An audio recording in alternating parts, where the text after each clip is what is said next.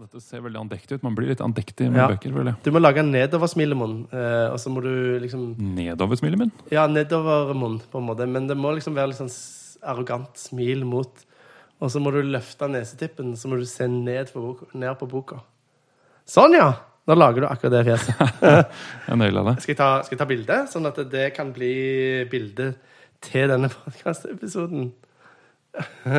sånn. Jeg skulle helst hatt brillene på min nese. Ja. Sånne smale briller som sitter helt nede. Ja, hva, du, Yes. hva du vil snakke om? Skal vi først eh, starte med å ønske våre kjære lyttere velkommen Til Utviklingsland Det naila vi veldig ikke. Da hadde jeg håpet vi skulle få til noe. Jeg satt og tenkte at å, nå, får, vi sånn, nå får vi sånn kjemi, Ja. og vi bare nailer dette. Og så gikk det kjemi, helt i vasken med en gang. Nei, Vi har kanskje ikke så mye, men det er ikke så viktig, for i dag skal jeg prate skikkelig mye. Ja, velkommen til Utviklingslandet. Eh, Du har lyst til å snakke om en bok du, som du har lest. Eh, vi skal snakke i dag om eh, Linus Torvalds. Ja. Han har skrevet en bok. Når tror du boka er fra? Jeg tror han er fra OK.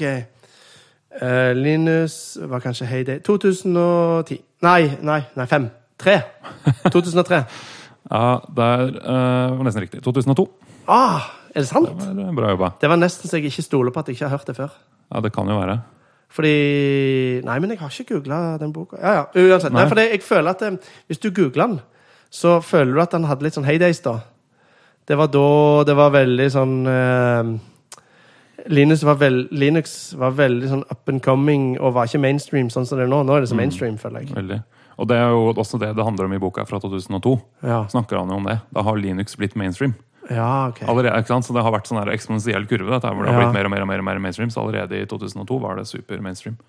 Ja, jeg følte ikke det var det da, jeg. Men det var kanskje det i sånn servermiljøer Ja, og sånne ting. Det var jo faktisk eh, Ja, på det punktet denne boka her ble skrevet, så var det den, det OS-et da, som serva flest websider. Ja, Ikke nettopp. Apache-server. sånn. Lamp er jo uh, stakk, Apache, ja. Ikke sant? Mm. Det var jo stacken man gikk for den gangen. Det husker jeg. Den tiden husker jeg godt. Ja. Hva heter boka? Just for fun. Ja. Og det er kun Linus som har skrevet den? Ja, han, han er ikke en ghostwriter, som Nei. det heter. Han har en medforfatter som er journalist, David Diamond. Og det Ja. hører du er et pseudonym med en gang. Det er Ja. ingen som heter David Diamond. Det er noen som har tatt på seg det navnet for å Ja. uh, Kanskje han har hatt en tidligere karriere som noe helt annet. Jeg tenker meg om. Kan hende. David kan hende en i sånn Witness Protection Program. Double D, David Diamond. Uh, og den klarte jeg ikke å finne på Kindle når jeg kjøpte den boka. her. men Det er noen år siden jeg kjøpte den. Eh, så plukka jeg den opp igjen nå.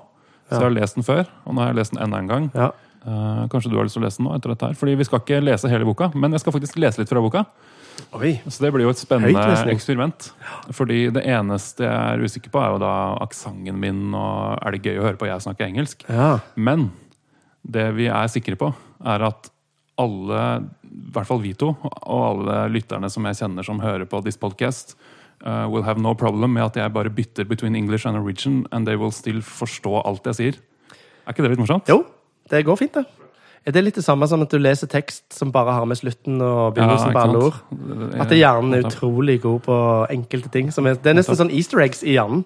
Uh, Men uh, det som er til, mitt, eh, til min fordel, er at Linus Torvald uh, Han er jo finsk. Så når han snakker engelsk, så hører han litt ut som meg, da. NVIDIA has been the single worst company we've ever dealt with. So, NVIDIA, fuck you.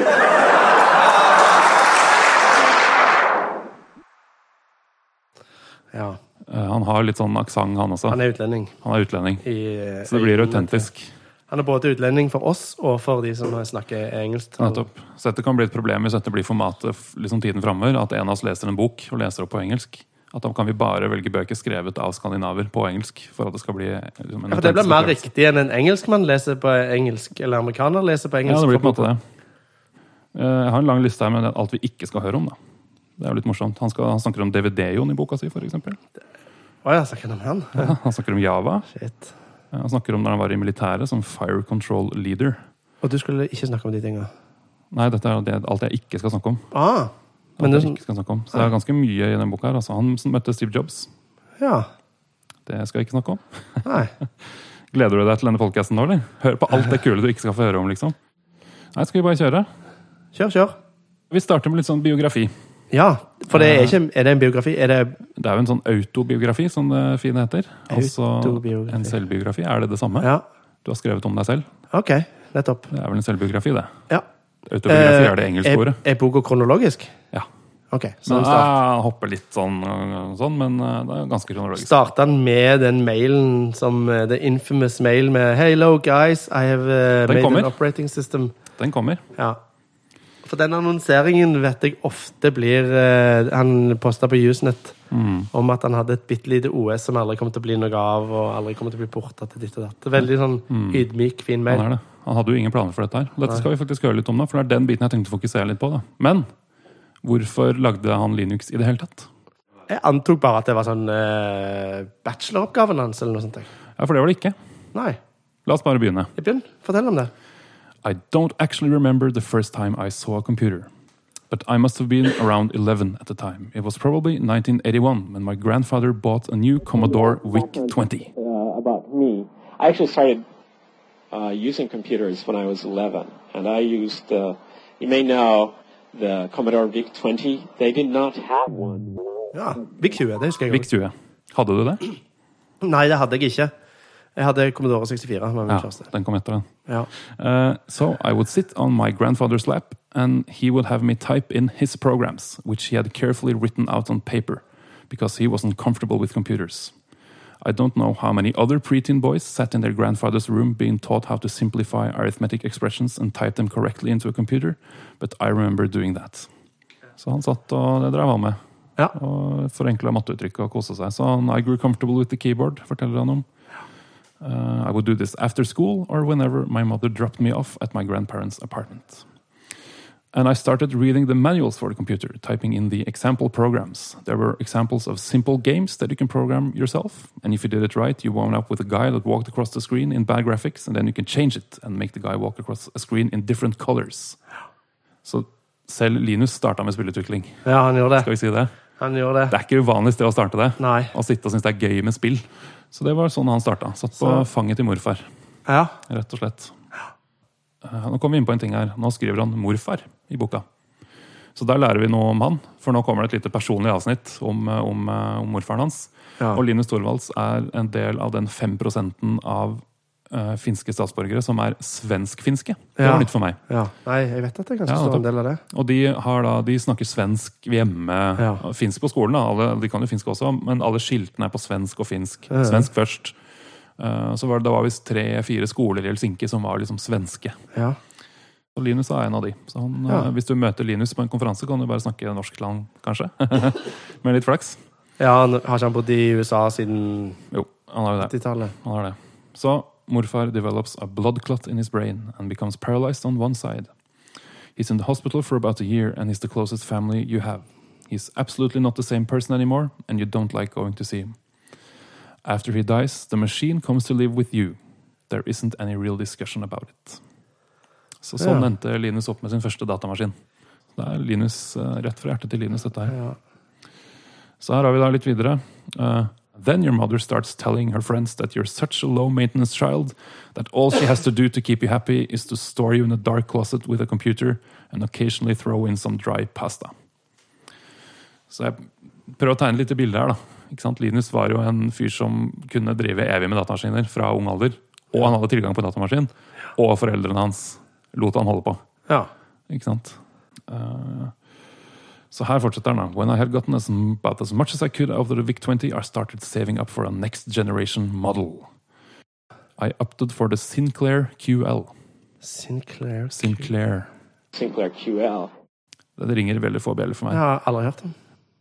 Det som er morsomt med den Sinclair QL Sinclair QL. som man kjøper, at Kudos er QDOS er operativsystemet. Ja, kudos husker jeg. Ja, du gjør det? Jeg har Ja. aldri hørt om. Ja, fordi eh, Det som han forteller om at QDOS var multitasking. Ja, var det det det var? Ja, Men så Ok. sier han the basic part, altså basic programmeringsspråket, wasn't multitasking. Um, so you couldn't run more than one basic program at once. But if you wrote your own programs in assembly language, you could let the operating system schedule them and time slice, you can run many of them at a time. Så det er interessant. Her kommer da Linus eh, sin kjennskap til assembly eh, til nytte. ikke sant? Jeg trodde liksom at assembly, når du var på det lave nivået, så hadde du full kontroll over CPU-en, og at du nærmest da måtte lage en egen sånn en Nei, slice eh, time altså Nei, fordeling mellom prosesser. At du nærmest var på operativsystemnivå. Men nei, du er jo selvfølgelig ikke det. Du kan Nei. kjøre assembly-kode på Det er det som er nettopp. Det er jo det, det på en måte assembly-kode er. Operativsystem, En prosess er jo Så- i bunn og grunn assembly-kode. Ja. Så sitter operativsystemet oppå det. Og, Ja, men du kan jo òg lage operativsystemer. Ja, fra- så det, jo, det kommer an på Hvis du er den konen som buter, så Ja. har du kontroll. ikke sant? Ja. Men så starter du jo prosesser Men han lagde i tydeligvis noe oppå det, da. Nei, altså, ikke sant? Hvis du, så Den Q-dossen støtta å kjøre programmer som var skrevet i Assembly, ikke Mm. Basic, og da hadde du multitasking. Men la oss, la oss gå videre her. fordi eh, Han forteller her da, at så han trengte å skrive Assembly, måtte lære seg Assembly. Kunne litt fra før da, men han uh, måtte skrive noe Assembly for å få brukt operativsystemet sitt. ikke sant? Ja. Så han sier What got me interested in operating systems? I bought a floppy controller so I wouldn't have to use the microdrives. But the driver that came with the floppy controller was so bad I ended up writing my own. OK, det er hardcore stuff. Ikke sant? Så han, han har, Jeg har skippa over mye her, da, men han forteller mye i detalj om hvordan han liksom lærte seg assembly og Ja. kjøpte sånne magasiner hvor det sto Hvor gammel var han da han gjorde dette? Ja, han er tenåring. Han er sånn 12-13. Ja, for dette er et kjempehopp. Dette er ikke for vanlig, eh, altså. Nei, ikke sant? Og da var allerede bestefaren hans død? Ja, Eller det hadde bestefaren hans død, ja, så han kjøpte nye Så klarte sånn- han dette på egen hånd? Ikke sant? Han forteller litt om det, at han bare skriver av kode fra forskjellige manualer og holder på. ikke sant? Og så... Og, han kommer inn på der, da. Uh, the book that launched me to new heights was Operating Systems, Design and Implementation by Andrew S. Tannenbaum. Så han hadde en bok som han baserte seg på. Uh? So I had already signed up for my fall courses, and the one I was looking most forward to was in the C programming language and the Unix operating system. Uh, in anticipation for the course, I bought the aforementioned textbook during the summer in the hope of getting a head start. In the book, Andrew Tannenbaum, a university professor in Amsterdam, discusses Minix, which is a teaching aid he wrote for Unix.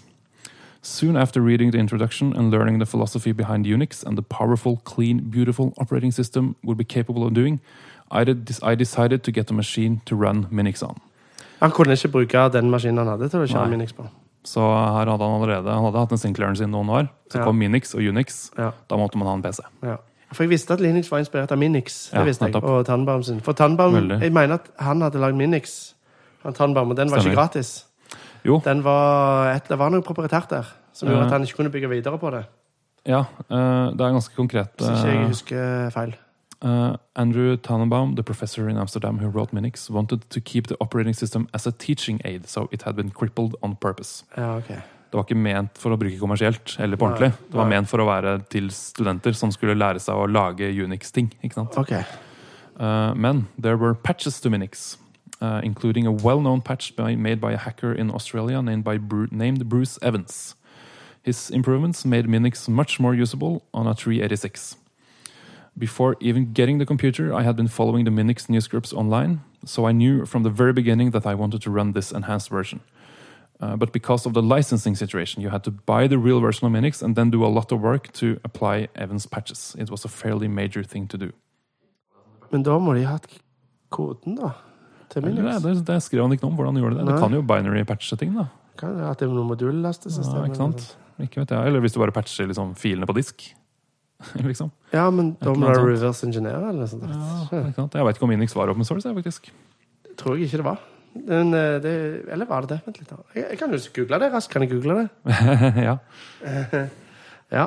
Eh, Minix Det var på Six, i hvert fall. Jo, open source. Det var open source, ja, nettopp. Ja. Is now open source. Ja, nettopp. Jeg tror ikke det var det den gangen. Så, nå begynner det å skje ting her, da. Så han snakker om at there was a number of features that disappointed me with Minix. The biggest letdown was terminal emulation, which was important, bla, bla, bla. bla. Det trengte han. Uh, so I began a project to create my own terminal emulation program. Ja. Altså Her kommer liksom Linus-hjernen ganske tydelig fram. Men du hører at han starter top down, da. At han starter på toppen og liksom irriterer seg over programmene oppå. og sånn. Han hopper ikke rett ned og lager et operativsystem. Nei, han har lyst til å lage noe greier som han trenger. ja. Ja. Så uh, det som skjer her, da, er at I didn't want to do the project under Minix, but instead do it at a bare hardware level. ja. Så han hadde lyst til å lage en terminalemulator, og så bare Oi, må vi lage et OS under der for å lage en bra terminal. Ja, ikke sant? Sånn han sier at det var en uh, great opportunity to learn how the 386 hardware worked. Ja. For han kommer jo da fra en verden hvor han har sittet på en uh, VIC 20 og en Sinclair QL.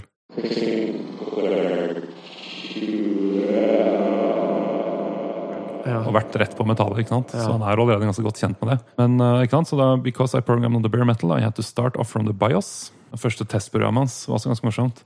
Uh, han, ville, han ville ha to tråder. For det, jeg veit ikke helt hva en terminalemulator egentlig gjør. Sånn egentlig. Da han snakker om han ville ha én tråd som leser fra keyboard, og en annen tråd som skriver til modemet. Så det han lagde først, var et program som bare skrev a, a, a, a, a, a og så bytta det til pip, pip, pip, pip, pip, pip, så a, a, a, for å demonstrere at tråding, trådingen hans fungerte. da. Ja. For det var jo ikke en multiprosess, det var jo bare én Ja. core. Ja. Så han klarte da, det står han, det tok han en måned. Så vil si at Linus klarte å liksom knote seg frem til da, og starte sin assembly-kode rett på hardwaren uten Ja. operativsystem. Ja, og ha to tråder. ja. Det holdt han på med. Og den ene skrev A, A, A, A. Den andre skrev B, B, B. Og så da må jo han ha sett på outputen at det kom A og B om hverandre. Nettopp. Og da, det var liksom testen på at det fungerte. Første Ja. versjonen hans. Ikke verst. Jeg hadde Ikke klart å gjort dette. Nei, Nei ikke sant? Så han kom fra en bakgrunn som gjør at dette måte var mulig da, for han å få til. Eh, nettopp. Så uh, when I wanted to read news, I would boot, put in my floppy and reboot the machine. And I would read the news from the university computer using my program. And if I wanted to make changes, uh, I would boot into Minix and use it for programming. Så han lagde Ja. det i Minix da, og skrev det til Lisken sin og reboota inn i da, starten på OS-et sitt. Så det han sier her, that's how Linux got started. Det er ingenting av denne koden som fins lenger nå, tror jeg. Nei, men uh, det var videreutvikling av denne koden som ble til Linux. Han Ja. starta ikke nå på nytt med Linux. Nei. Så han snakker litt om dette. So my terminal emulator was Grulex. I was using it regularly to log onto the university computer and read email and participate in the discussions for the Minix news group. Et, en terminal emulator høres rett og slett bare ut som Et det der. Et skjell som er remote. Ja. Um, men the trouble is I wanted to download things and upload things. That meant I needed to be able to save things to disk. In order to do that, I needed a disk driver. Ikke sant? Så har man det gående. Så det var hans Ah, ok. eget lille koseprosjekt. hvor det. Rett og slett bare balla på seg. Uh, so by the time I did this, it was clear that the project was on its way to becoming an operating system.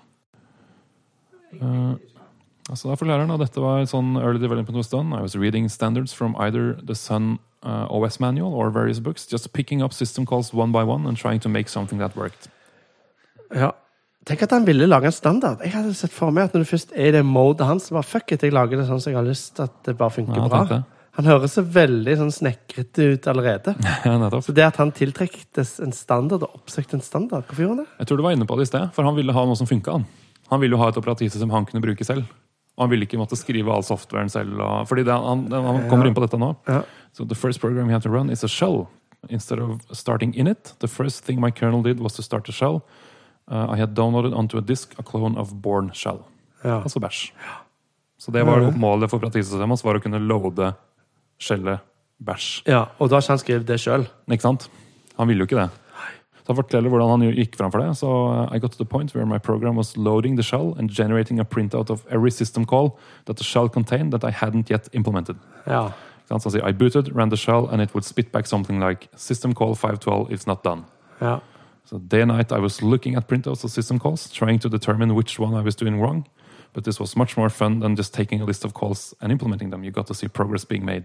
Ja, det kan jeg skjønne. Ikke sant? Ja, du starter skjellet, og så ser du bare «Åh, jeg klarer ikke ditt, jeg klarer ikke X, jeg klarer ikke, Nettopp. jeg klarer ikke A, B, C. Så det krasjer sikkert med en gang, da. Ikke sant? I starten. Han da, when I got the shell working uh, in late August or early September, I was pretty much immediately able to compile a few other programs. August, september, hva da? Dette var vel i 91, Ja. så høsten i 91 tror jeg dette skjedde. Uh, så CP og LS bare funka med en gang. da. Så fort skjellet funka, Ja. så var det masse ja, kommandoer det som tror jeg funka. på. Nå er vi på mailen, som du har vært inne på. Ja. Så dette er da i september 1991. Dette etter denne sommeren hvor Linus har sittet og koka og hacka og holdt på. Ja. Så legger han ut eh, sin første versjon på eh, internett. Ja. Så da er det den eh, Hello everybody out there using Minix. I'm doing a free operating system. Just a hobby, won't be big and professional like GNU for 386 AT clones. This has been brewing since April and it's starting to get ready. I'd like feedback on things people like dislike in Minix, as my OS resembles it somewhat. Så nå er Linux eh, ute i verden. ja. Um, så, så begynte han å få feedback, og sånn, så han forteller I remember one email whose writer said he really liked my operating system, and he went on for at least one paragraph to tell me how nice it was. Then he explained that it had just eaten his hard disk, and my disk driver was flaky or something. He had lost all the work he'd done, but he was still very positive. Jøss. Så sånn ble altså Linux til. Dette var eh, lille biografien, blanding om Linus og Linux. Kult.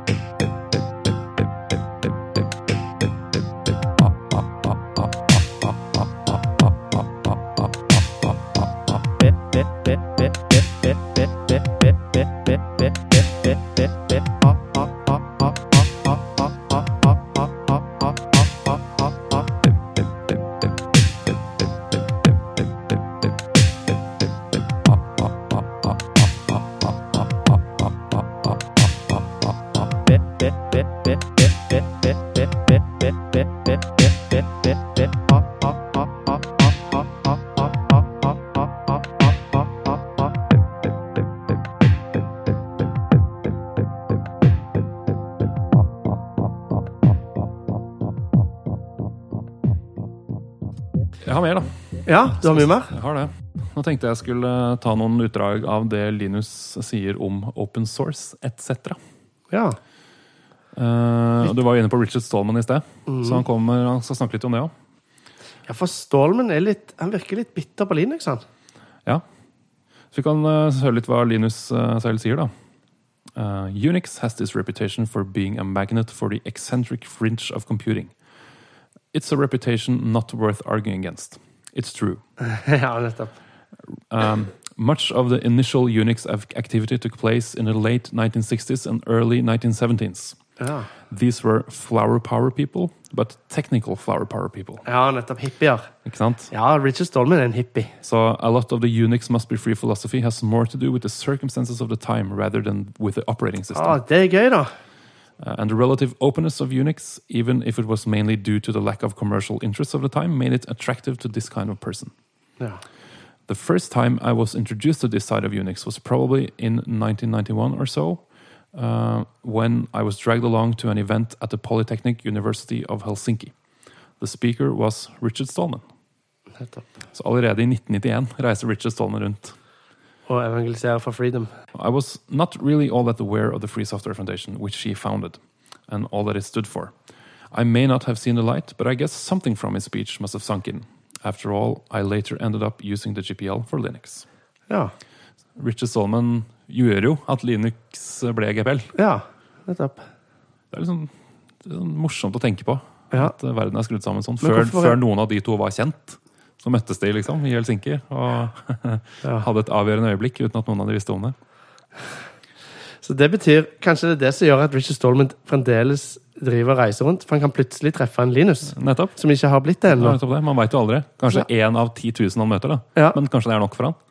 Så egentlig så bør han reise rundt på alle sykehus og hilse på alle babyer som blir født. For enda de kommer til å bli neste statsministeren i Norge. Da har han hilst på alle. Ja, sånn ja. Nettopp. Vi bør gjøre det. Ja, men eh, Hvis du har lyst eh, til det. Altså, Det er en litt samme approach, da. Det er mulig at det kommer til å bli kasta ut av Det sykehuset er prøver å Det er mulig. Men det er det han gjør, da. Han teppebombe. Han Han eh, med, du klarer ikke å rekke jo ikke alle babyer, men du rekker jo heller ikke alle softwareutviklere alle softwareutviklingsprosjekt. Men han gjør så godt han kan, og han er jo ganske synlig. Vi vet jo hvem han er. Ja. Det funka jo med Linux. Ja. Et av de aller viktigste prosjektene som er open source. Ja, absolutt. Um, så her kommer den litt pragmatiske siden av Linus fram, da. Uh, Som Richard Stallman sikkert hater. Ja, ikke sant? Han snakker litt om det her. Så, uh, for most companies, one of the buy issues historically has been who do we blame when something goes wrong? It was a psychological advantage for customers to know that IBM would be there for them. IBM dipped its toes in the water by running and supporting Linux on its server boxes and then sort of waded all the way in. Next came the small PC servers, then the regular PCs, then the laptops. The company has announced it will spend $1 billion on Linux this year. Jesus. 2002, altså. Så um, Da er det, det er liksom tatt av nå.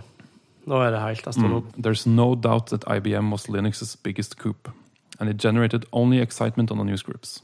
Ja. Men uh, within weeks, out of nowhere, Oracle followed suit.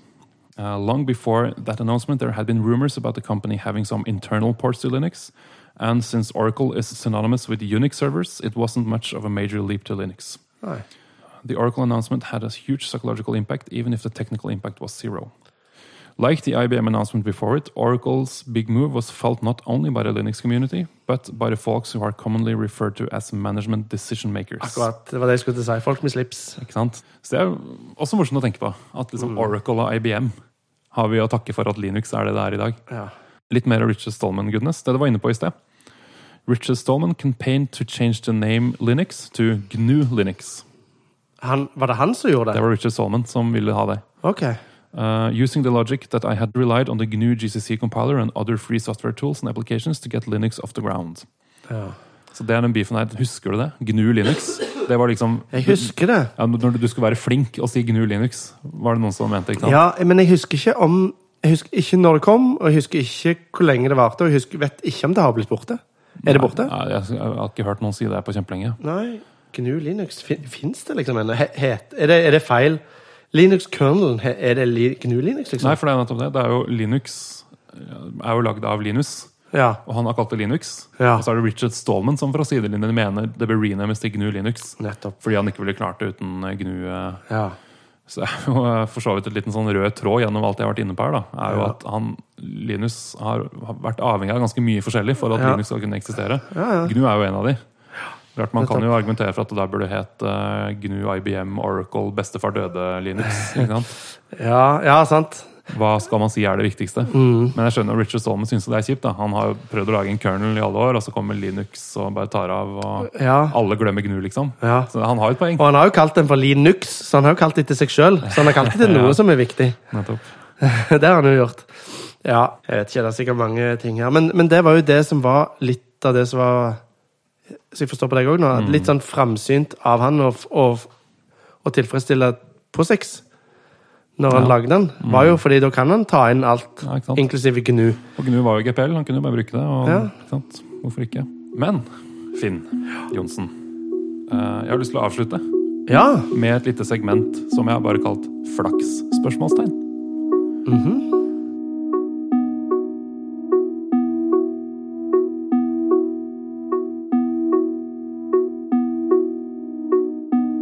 Hvordan ble Linux til? ikke sant? Det var ganske mange ting som måtte være på plass.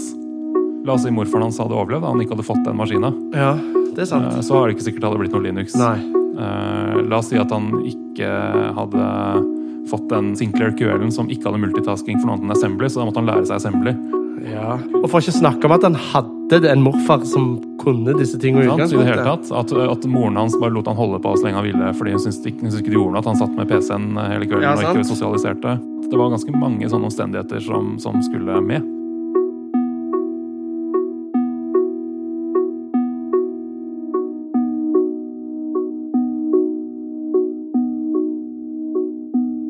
Men det er et par andre ting som eh, jeg har lyst til å bare komme innom, som liksom underbygger den røde tråden her litt. da, Et par Ja. andre ting i boka som jeg snakker om, som, som er veldig sånn omstendigheter. Mm. eh, som måtte være, være der for at Linus eh, skulle kunne lage Linux. Ja. Så han snakker om Jeg kan bare lese litt ja, fra boka. So, By the early 1990s, Unix had become the number one operating system for all supercomputers and servers. One of the problems uh, was that there were by now a host of competing versions of the operating system. Some were derived from the more controlled confines of the AT&T code, the so-called System 5 flavors, while others were derived from the University of California Berkeley code base, BSD. Det som skjedde, da, eh, det var mye fram og tilbake, og til slutt eh, That's why AT&T woke up and sued the University of California Berkeley.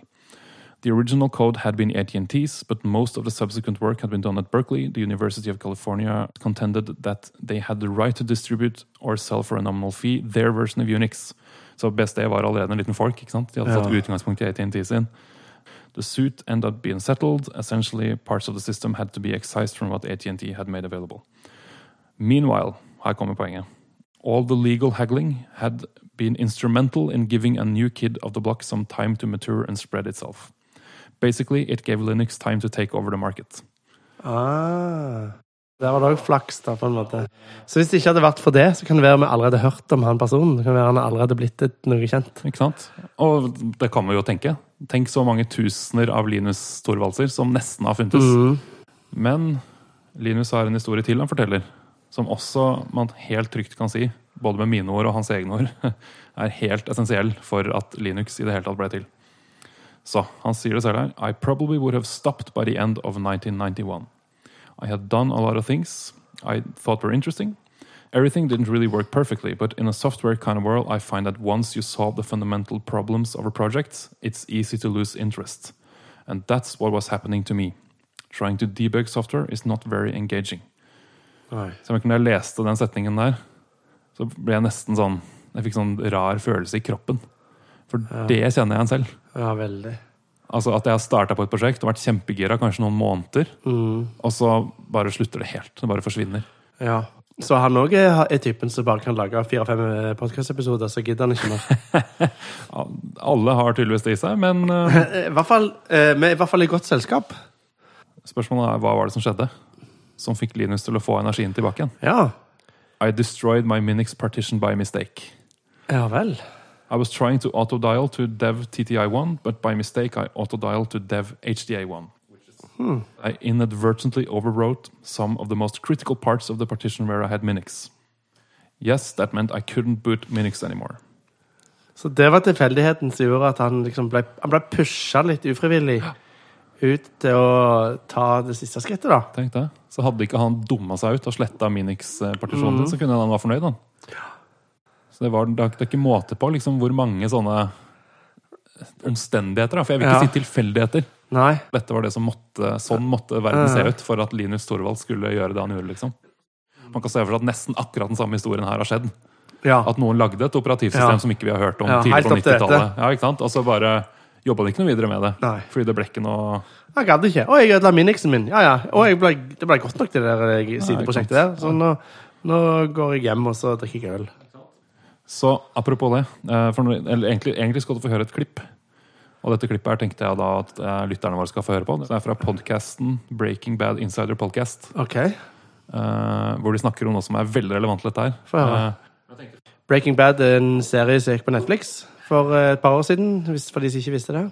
det vi skal høre på nå, er eh, Vince Gilligan. The thing is, it's got to be repeatable. You Yeah. can't keep moving around to a different piece of dirt. Altså, han er jo showets far. ikke sant? Han skrev jo pilotepisoden og er liksom sjefen bak det hele. Som snakker om og med regissøren av denne episoden, Ryan Johnson. terrified because we didn't get. I realized we didn't get a take without the dirt gag. and Ja, really for regissøren er han som skal bare gjøre det Han- er den som sitter og dirigerer. Og, Ja, men Skuespillere. regissøren har på en måte ganske mye å si. Så den regissør gjør, er at de ofte har, sånn her, de har en shotlist.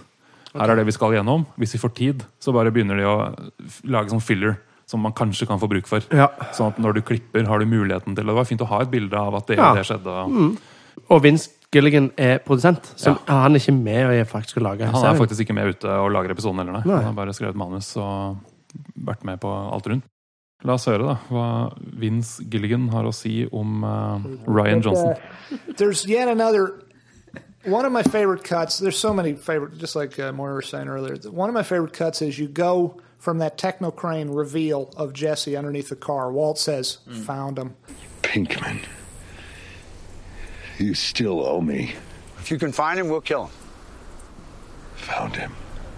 And then you mm-hmm. go in, you zoom the techno techno boom in, Yeah. and you see Jesse and the perfect, perfectly timed drip and all that. And then you cut to an overhead shot that makes me jump every time, which is Tate, one of the big Nazis, slamming the car door, mm-hmm. and then them reaching under and pulling Jesse out into view. No! Get off me! Get off! And what I love, why I know one reason I know one of the many reasons I know you're really good at what you do is I wouldn't have thought of that as a cut. Hmm. Here's the thing, and I take this as the highest compliment. I don't know why Tate is closing the car door at that moment. But it's a perfect cutting point because on the slam of the car door, mm-hmm. It makes me jump every time. It's perfect. And obviously, you saw that in your head in advance. Well, no, and that's a really good example of. I mean, I knew the cut from to over, but that was it's the sort of thing, and you and you know this, you know, in directing too. It's it's the sum of a dozen accidents. It's like on set, the car door was still open. Because we realized Jesse didn't shut the door when he got out of Oh, it. is that what it was? And then, and so we realized, oh, he's not Yeah. going to be. Able, I'm, I'm like, oh no, he's not going to be. Able Han innrømmer at det er ikke, det var ikke planlagt. Det var ikke planlagt. well, I guess you have to show it at the beginning of it. And I thought in the back of my head, yeah, but we'll cut that out after the fact. And then when we got in the other room, we were messing around with it. We are like, oh, that's a really great cut point. But then what really makes it work the way you're talking about is the sound, you know, is when you laid in and then the sound guys accentuated the big slam. Oh. which which Oh. you did in your cut and mm-hmm. wasn't even. And so I'm completely disassembling what you're saying about me having this perfect, vision in my head. But it's going that's help how me it sleep works. better tonight. No, but that's that's and that's you know anyone who's put something together. I mean, you know that it is that's inevitably what um, it, it's it is just like every cool moment is the sum of a thousand parts that are other people coming together, and it's more about taming it and trying to write it down and find those things and coming up with some perfect thing and executing. You're a sweet guy But for no, for giving everyone a peek behind the scenes just now. I, I will end it. I will end it with this. Your episodes have way more of those happy accidents than everybody else's. I'm telling you, man, because you because you got it because you know you know your shit. Your episodes have way more of those accidents than anybody else's. Ja, nettopp.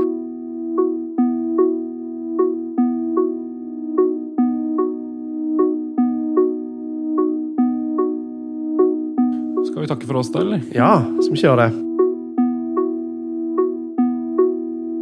OK. Takk for oss. Takk for oss. Hei. Da. Eh,